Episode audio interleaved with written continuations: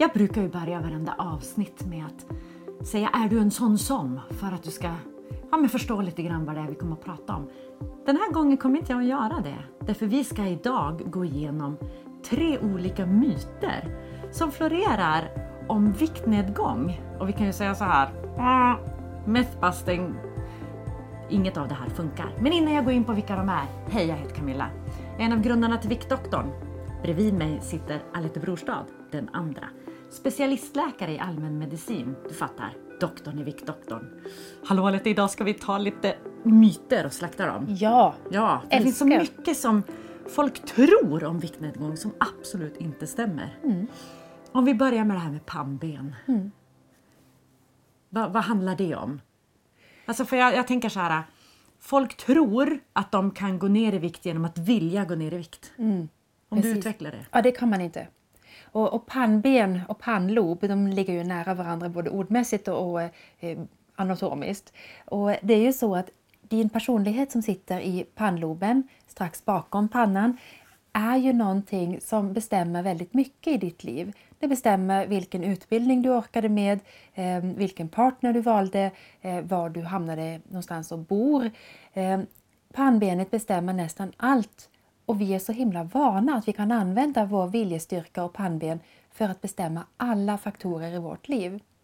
Ja, det finns ju faktiskt eh, forskning, nu är det jag som kommer med den, som visar väldigt hårt på, som fin- om den är gjord av amerikanska militären eller om det var svenska, det ska låta vara osagt, men det här med att när vi tror att vi har gett allt, att kroppen är slut, det är bara att lägga sig ner och dö, så har vi om det är 20-30% till att ge.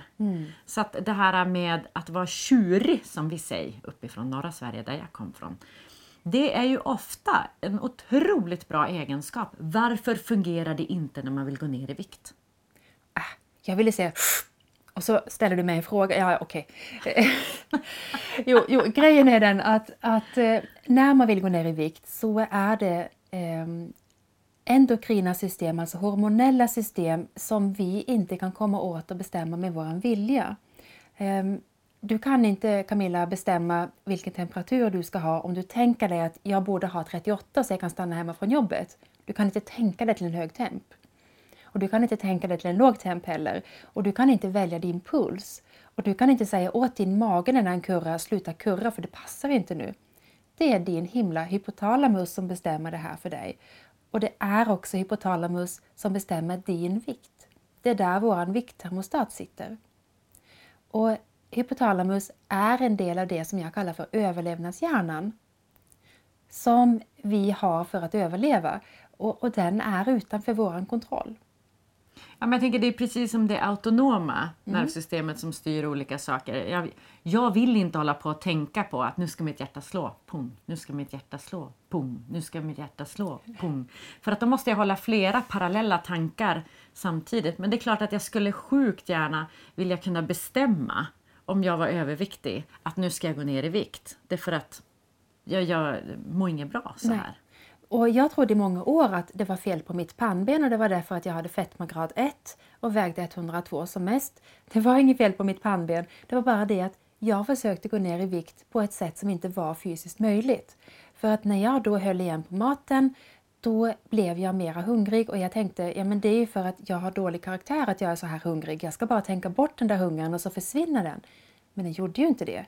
För det min överlevnadshjärna gjorde samtidigt det var att pösa ut hungerhormoner av värsta sort. Greliner till exempel. Och har du nått en viss nivå av hungerhormoner i ditt system så ställer du dig och äter även om det var det du svor på igår att det ska du inte göra. Så att hela den här grejen med att åh vad värdelös jag är som inte orkar hålla mig och nu åt jag av den där kakan på jobbet fastän jag inte borde och inte ville och eller öppnade kylskåpet precis innan man skulle gå och lägga sig och trycka i sig, vad var det du brukar ta? Ostmackor? Ostmackor, älskade ostmackor. Och hur kände du dig efter du hade gjort det? Men jag hade ju förstört för mig själv och jag insåg ju det redan när jag stod och gjorde mina ostmackor att det här var inte planen. Och ändå stod jag och gjorde det. Och ändå är du läkare Ja, som har borde- varit överviktig hela ditt liv. Och jag menar, jag har pannben nog att läsa medicin så jag borde ha pannben nog att kunna välja min vikt. Men ingen människa har det.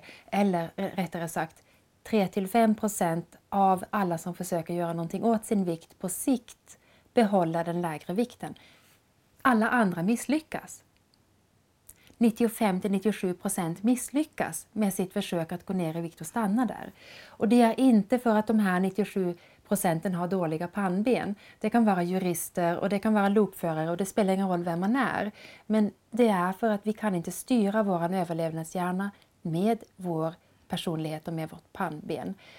Så att om du tror att du är en sån som kan välja din vikt så har du fel. Du måste göra på ett annat sätt. Du måste samarbeta med din överlevnadshjärna. Mm. Ska vi ta myt nummer två? Mm. Jag tycker nämligen det är så roligt när man eh, ser människor som de är så sjukt duktiga på att göra sit-ups. Och så här ska du göra sit-ups. Och jag vet inte hur gammal du är som tittar eller lyssnar, men eh, någon gång där i slutet på 90-talet så fanns det en reklamfilm som hade Alltså det såg ut som en sån här sittlapp i plast som man åker nerför snöklädda backar. Fast det var mer för ryggslutet, lite under rumpan, lite upp mot ryggen. Och så skulle man genom att använda den på mycket bättre sätt förbränna fettet på magen när man gjorde sit-ups. Alltså punktförbränning av fett. Alltså det låter så himla kul! Ja, det var faktiskt en kompis till mig som köpte den och hon tyckte att den var så bra. Alltså den var ju bra på så sätt att hon tränade bra men A. Hon hade inget fett på magen från början så det fanns inget att förbränna. Och B. Hade hon haft det så hade det ju ändå inte funkat, eller hur? Men jag minns det så väl. Vi satt på läkarutbildningen i Umeå. Det var säkert snö, för det var det ofta i Umeå. Och föreläsaren säger, det fattar ni väl ungdomar, ni kan inte punktförbränna fett. Och jag minns att det liksom gick ett sus genom klassen för det var ju en klass av träningsfreaker och IKSU är ju ett stort i Umeå. Så att alla bara, jo men det vet vi ju, det går att punktförbränna fett för det gör vi ju. Vi gör ju situps och vi gör ju pushups och vi gör blaha blaha. Och föreläsaren säger nej, när man vill bli av med oönskat fett så kan man inte välja var det försvinner först utan det väljer kroppen åt dig. Och det innebär att du får ju naturligtvis en definition av magmusklerna när du gör situps. Men du blir inte av med det fettet som ligger precis ovanpå. Så att man kan också säga att anledningen till att eh, vissa av oss som eh, tränar väldigt mycket men kanske inte får de där sexpacken är att vår kropp gillar att behålla fettet ovanpå. Ja. För jag har aldrig haft så här väldefinierade muskler. Det har jag inte. Eh, det är också ett ganska mindre problem. Men, men eh, kul att höra i alla fall. Alright, eh, tredje myten. Eh, lågintensiv träning. Jag hade nämligen en, eh, en, eh, vad ska vi kalla henne, en kund eh, som hade väldigt mycket ätstörningar och som hade utvecklat sin egen metod för att hålla nere vikten katastrofalt mycket. Hon är öppen med det här men jag säger ändå inte vem det är. Och för henne handlar det väldigt mycket om att hon skulle gå väldigt långa promenader, helst direkt när hon hade vaknat på morgonen. I högt tempo, alltså powerwalks. Och det var ju ofta kanske inte bara en gång om dagen, utan flera. Men absolut det där på morgonen innan hon egentligen hade vaknat, innan hon hade ätit någonting så var det bara ut och knata, inte löpträna, utan powerwalka för att förbränna så mycket som möjligt. Och det här var hon fast övertygad om var anledningen till att hon hade hållit sig så smal under alla dessa år. Vad säger du? Och teorin verkar ju ändå vara logisk och det säger ju att när du vaknar på, morgonen och inte går att äta frukost direkt så har du bränt en del kolhydrater under natten. Och då är tanken att när du beger dig ut i motionsspåret och kör på ungefär 70% av din maxpuls, då är tanken att då ska kroppen ta från sina fettlager och inte det lagrade glykogenet, alltså kolhydraterna i kroppen. Du säger tanken är då. Och faktum är att jag tyckte det där lät så bra så jag gick ju in med hull och hår för den teorin. Och, och jag satte min väckarklocka någonstans mellan klockan 05 och 05.30 varje morgon i, ja, jag, jag tror säkert i tio år. Och varje morgon så sa min man, men du ska ju inte stiga upp nu, kan du stänga av det där? Och jag liksom, ja men jag ska stiga upp nu, men jag gjorde ju inte det. Jag steg inte upp, för jag är ingen morgonmänniska. Och jag hade alltså tänkt stiga upp tidigt, gå på en runda och jag hade också en träningsmaskin i källaren som var fantastisk att torka tvätt på eh, och träna på och det gjorde jag väl någon gång då och då. Men poängen är den att jag satte mig ehm, ett beslut att träna på morgonen, vilket aldrig blev av. Vilket också ledde till att jag kunde ju inte träna på kvällen för jag skulle ju stiga upp dagen efter och träna och hade jag då tränat på kvällen då hade jag förstört morgonträningen. För jag var ju rädd att jag skulle bli övertränad. Så den bästa träningen är den som aldrig blir av? Den bästa träningen är den som blir av. I know, men det blir så, här, det blir så befängt när du sköt upp det hela tiden. Ja, men det är så tokigt. Ja. För att jag ville träna på morgonen för att jag hade hört och jag förstod teorin att då kommer jag bränna mycket mer fett. Och det var ju precis fett jag ville bränna. Mm. Men för mig blev det här, istället för en bra och, och vettig teori, så blev det världens bästa ursäkt. Vilket ledde till att jag aldrig tränade. Mm. Och eh, jag såg en intressant studie om just det här där man faktiskt säger att det stämmer inte, man, man bränner inte mera fett på att träna lågintensivt tidigt på morgonen. Det man ska göra är att man ska träna och då spelar inte intensiteten så stor roll egentligen. Så att om vi säger att eh, ja, min kund då, hon sprang ju nästan, eller powerwalkade, förlåt, nästan en mil. Mm. Men om hon hade sprungit milen hade hon ändå inte det hade inte varit bättre för hennes viktnedgångsönskan. Är det det du säger? Men om jag förstår dig rätt så var hon redan smal? Pinsmal. Ja, och, och det är ju så här att om du inte har tid att powerwalka en timme så kan du lika gärna springa sträckan på 30 minuter. Och, och då får du en boostning av din fettförbränning och ämnesomsättning resten av dagen. Och den boosten är då högre jämfört med den som går en promenad. Så att har du inte tid att promenera en timme, ja men spring istället en runda på halva tiden.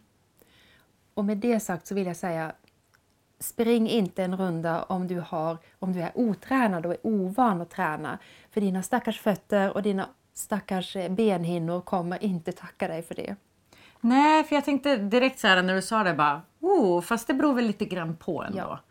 Eh, jag kan tänka mig att promenader är betydligt bättre när man är i ett otränat läge. Ja. Utan att det här rådet att springa en halvtimme istället för att gå en timme, det är mer för de som redan är igång och tränar, eller hur? Ja, och precis. Och, och sen är det ju så att om man är helt otränad så kan man ju börja i det små. Man kan skippa hissen, man kan gå upp de där två trapporna till kontoret, man kan hoppa av bussen en hållplats tidigare eller två om man har gått om tid. Ja, de här vanliga råden helt enkelt.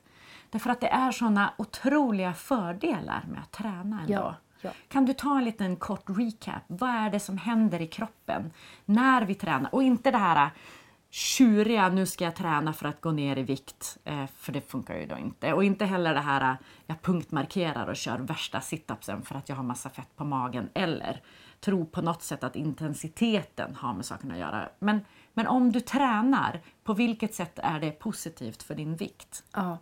Eh, träningen är positiv för din vikt för att du kan äta lite mer om du faktiskt tränar. Eh, men du kan inte träna dig smal-smal eh, genom att träna.